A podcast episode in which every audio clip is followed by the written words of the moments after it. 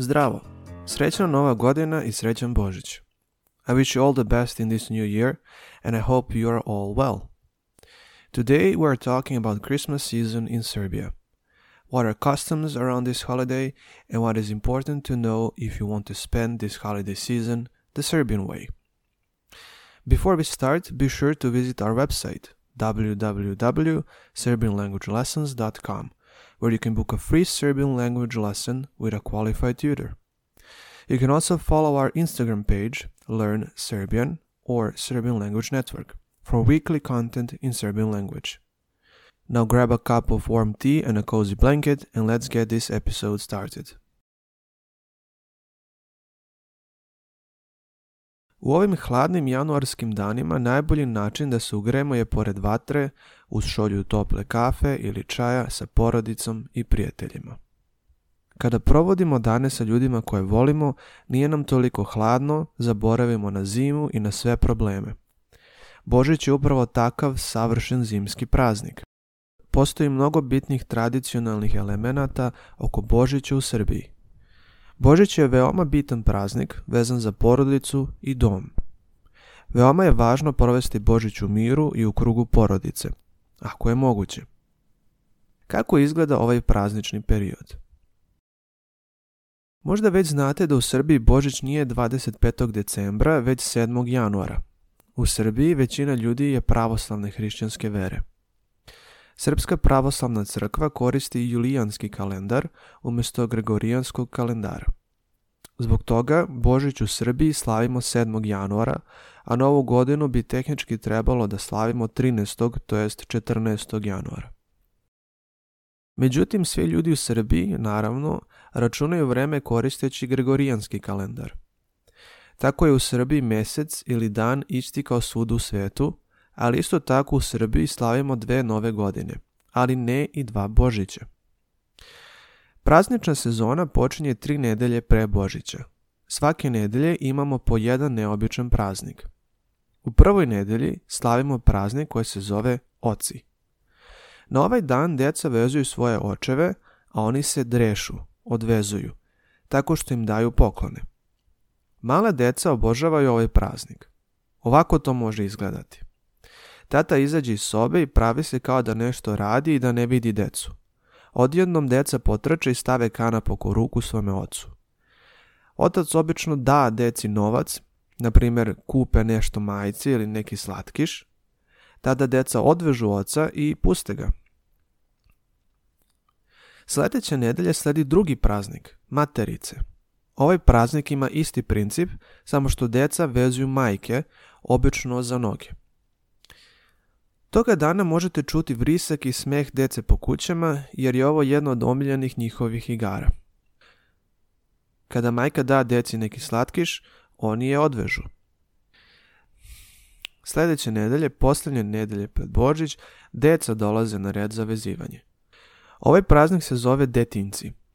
Tog dana roditelji vezuju svoju ili tuđu decu za noge ili ruke – Deca se odvežu tako što daju neki poklon svojim roditeljima. Naravno, sve ovo je jedna igra i postoji i zbog dece. Vezivanje je simbolično i bezopasno. U nastavku možete videti da većina ovih običaja postoji zbog dece.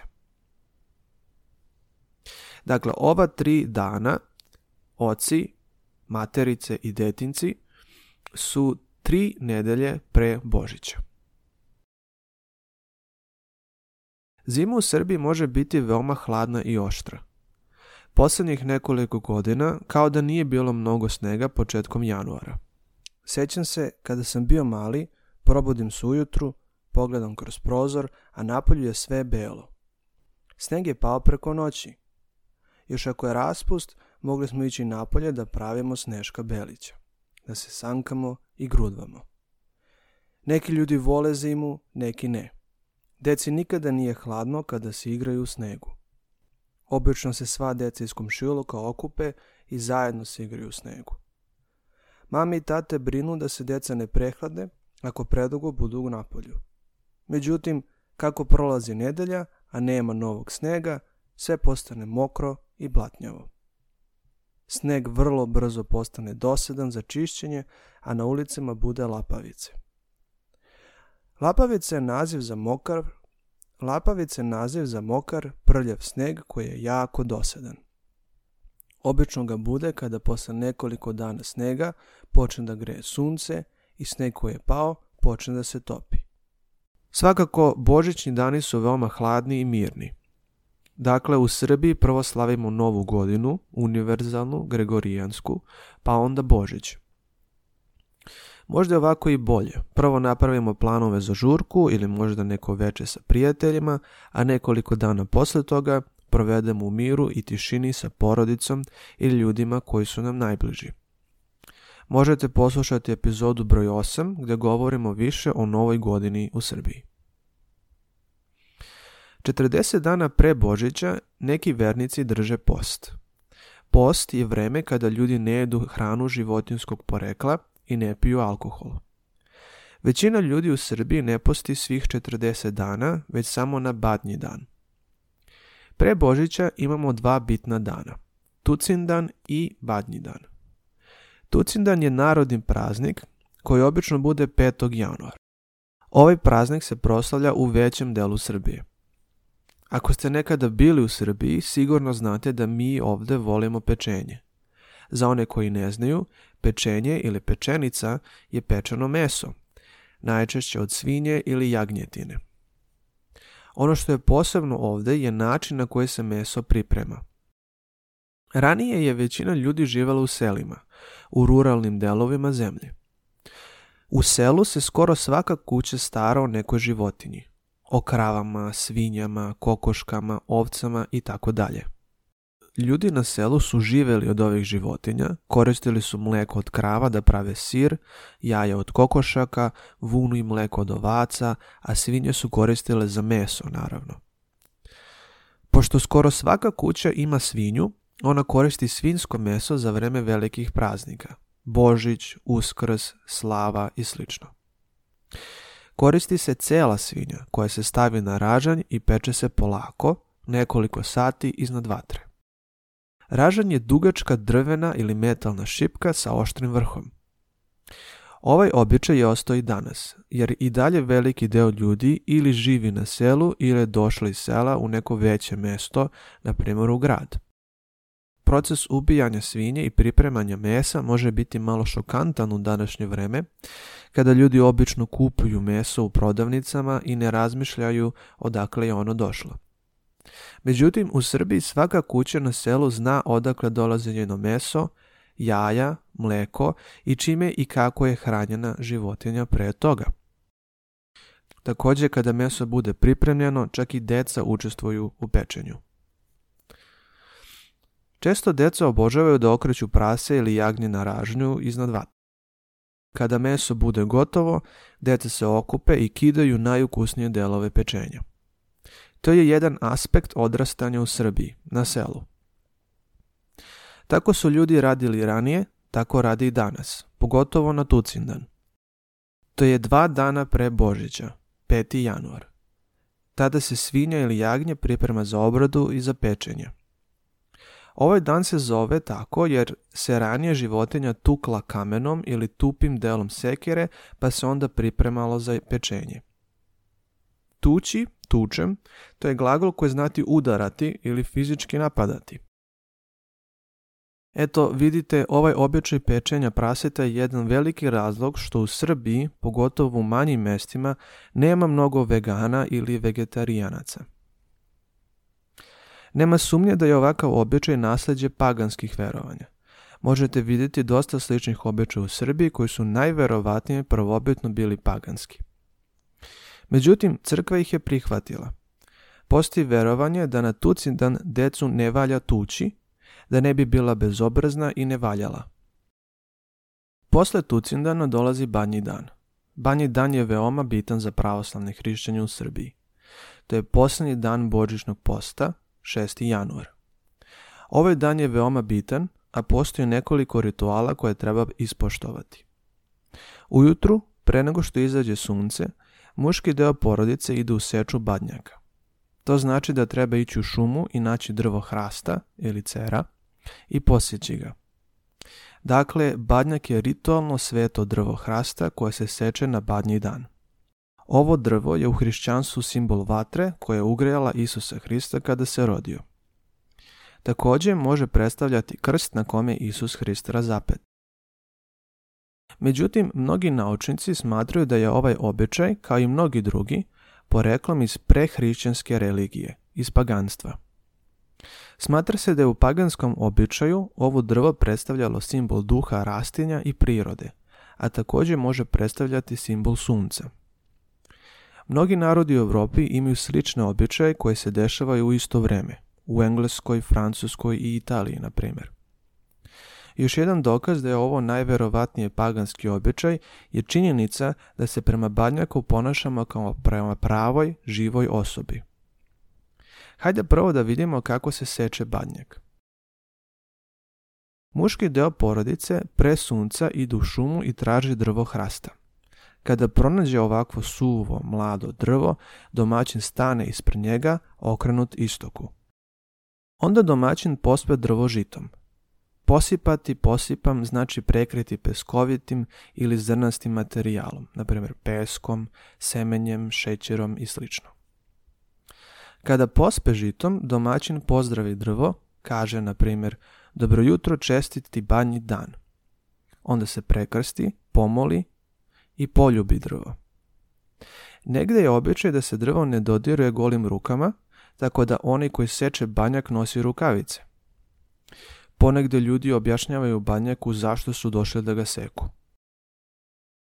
Kao što vidimo, ljudi se ponašaju kao da je banjak prava osoba, da može da čuje i razume šta se dešava. Ovo je verovatno ostatak paganskih običaja. Neki stručnjaci misle da je banjak isto što i slovenski bog Svetovid, bog rata i plodnosti. Banjak se seče sekirom u kosu, da bi pao na istočnu stranu. Dobro je da banjak ne padne na neko drugo drveće. Drvo treba udariti najviše tri puta, da se drvo ne muči. Ako drvo ne padne posle tri puta, onda treba ručno iščupati. Prvi iver koji otpadne treba uhvatiti i sačuvati. Ivar je deo drveta koji otpadne kada se drvo seče. Taj deo drveta se sačuva i stavi se tamo gde želite da imate poseban napredak u novoj godini. Naprimjer, pored košnica. Košnica je predmet u kome se čuvaju pčele. Kada drvo posečemo, na panj ostavimo pola pogače. Panj je deo drveta koji je ostao u zemlji posle sečenja. Drugi deo pogače ili hleba treba pojesti na putu do kuće. Posečeno drvo obično nije mnogo veliko, a najviše oko 2,5 metra dužine. Ovo drvo treba doneti kući i ostaviti ga ispred ulaznih vrata. Negde ljudi seku više od jednog badnjaka, a glavni badnjak je onaj koji je najdeblji. Badnjak se unosi u kuću kada padne mrak. Osoba koja unosi badnjak zove se badnjačar. Badnjačar nosi badnjak i desnom nogom prelazi prag kuće. Prag je deo vrata koje se nalazi na podu. Negde badnjačar pokuca na vrata, a sa druge strane ukućani pitaju ko je? Na to badnjačar može odgovoriti badnjak vam dolazi u kuću. Ili dobro veče i srećno vam badnje veče. A ukućani odgovaraju dobro veče badnjače. Dakle, badnjak je sada gost u kući. Dok badnjačar ulozi u kuću, domaćica posipa njega i badnjak žitom i sita. Sito je predmet kojim se posijepa brašno. Kada badnjačar uđe u kuću, posjeba se slama po podu. Slama je osušena trava. Slama obično može biti postavljena i ispod stola. Sad ide veoma interesantan i pomalo absurdan deo. Badnjačar ide po kući kvočući kao kvočka, a deca na podu u slami pijuču kao pilići. Kvocati znači imitirati zvuk kokoške. U nekim delovima Srbije domaćica je ta koja kvoca. Domaćin u svaki ugao kuće ili sobe postavi po jedan orah što se smatra žrtvom precima. Ostali orasi i lešnici se stavljaju u slamu. Orasi i lešnici iz slame se kasnije mogu jesti sa medom, dok se oni orasi koje se nalaze u uglovima sobe ne diraju. Stolice su iznete iz kuće i kasnije se sedi na slami. Postoje određena pravila u ophođenju prema badnjaku. Grehota je da se banjak preskače ili gazi, na primjer. Nakon toga, badnjačar nalaže badnjak, odnosno stavlja badnjak u vatru. Ranije, pre nekoliko vekova, svaka kuća je bila zapravo jedna soba, a u centru te sobe nalazila se vatra, to jest ognjište. Danas, na selu, ljudi i dalje imaju vatru u dnevnoj sobi, ali i u peći, dok u gradu ljudi sve manje koriste peć za grejanje. U ovakvu peć može se staviti badnjak. Badnjak se može namazati medom, politi vinom ili žitom pre nego što se stavi u vatru. Hrast je drvo koje proizvodi mnogo varnica kada gori. Varnice su male svetle tačkice ili strele koje iskaču iz vatre.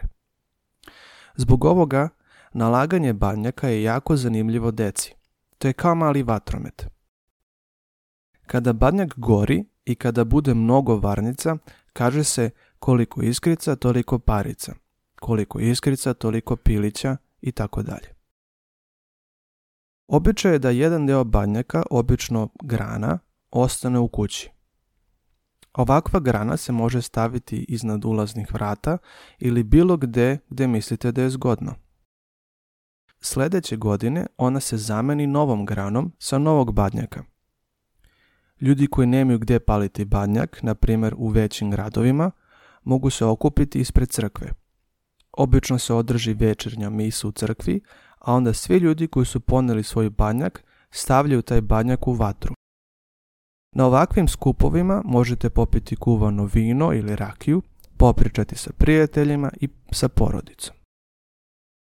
Kada badnjak izgori, vreme je za večeru, koja je posna. Ko je postio ceo božićni post od 40 dana, danas svakako mora postiti ceo dan. Na badnji dan ljudi uglavnom jedu pasulj, ribu, krompir i suvo voće. Ovaj dan treba provesti kod kuće sa porodicom. Ne treba ići nigde ako nije baš potrebno. Ne treba se svađati jer se veruje da kakav bude banji dan i Božić, takva će biti cela godina. Ako se svađate sa porodicim i prijateljima sada, Svađat ćete se cele godine. Ne treba piti alkohol na badnji dan. Sljedećeg dana je Božić. Jedan deo ljudi ide na jutranje i liturgiju u crkvi ujutru. Ostatak dana ljudi provode kod kuće sa porodicom. Postoji običaj da u kuću dođe položajnik. Položajnik je osoba koja kao gost prva dođe u kuću i čestita Božić. Po nekom pravilu ova osoba treba biti zdrava i srećna da bi takvi bili svi ukućani i ostatak godine. Položenik treba izbegavati pozdravljanje sa drugim ljudima dok ne dođu u kuću u kojoj treba biti položajnik. Kako se čestita Božić u Srbiji? Postoji poznata rečenica Hristos se rodi. Odgovor na ovo je vaistinu se rodi. Možete reći i srećan Božić. Najvažniji deo dana na Božić je naravno ručak. Za ručak se jede mrsna hrana, to jest hrana koja nije posna, na primer meso. Za Božić obično bude mnogo različite hrane. Peciva, domaći hleb, ajvar, ruska salata, pečenje, piletina, supa, kolači, torte i tako dalje. Centralni deo ručka je česnica. Česnica je okrugli ceremonijalni hleb. U taj hleb se obično stavi novčić, to jest kovanica, ili pasulj, ili čak neka drvena figurica. Za vreme ručka prvo se prelomi česnica. Onaj koji izvuče novčić imaće sreće i novca u novoj godini. U Vojvodini česnica je obično malo drugačija. Ona se pravi u obliku slatkog kolača. Unutra se može staviti šećer, med, orah, mak ili suvo grožđe – Novčić se ubaci u srednjem delu kolača. Ovakva česnica se ne lomi, već se seče i deli u kućanima. Ovaj dan se provodi u krugu porodice. Posle ručka možete posetiti prijatelje ili širu porodicu. Praznični period traje još od Božića do Bogojavljanja. U ovo vreme u nekim delovima Srbije možemo videti koledare – Koledari su grupa maskiranih mladih muškaraca koja je ranije išla od kuće do kuće, uglavnom po selima, i pevala je koledske pesme. Kostim u koji su se maskirali je ručno pravljen od vune i sličnih materijala. Na glavi se nose maske koje mogu podsjećati na različite životinje ili na strašno čudovišta. Kada otpevaju pesmu, koledari ulaze u kuću i traže različite stvari obično hranu, a decu plaše. Ovaj običaj se sve manje praktikuje danas. Može se videti najviše u istočnoj i južnoj Srbiji. Dakle, božićna sezona je puna različitih običaja. Božić je centralni dan, ali postoji mnogo drugih bitnih praznika koji su povezani sa njim. Kao i svuda u svetu, Božić je vreme kada najviše vremena provodimo sa porodicom i sa ljudima koje volimo. Na kraju krajeva nije bitno da li ćete pravilno poštovati sve običaje, bitna je dobra namera. To je sve za ovu božićnu epizodu. Nadam se da ste uživali. Posjetite naš sajt www.serbianlanguagelessons.com gde možete rezervisati prvi besplatan čas srpskog jezika. Takođe, zapratite Instagram stranicu Learn Serbian ili Serbian Language Network i naš kanal na Spotify. Srećan Božić i vidimo se.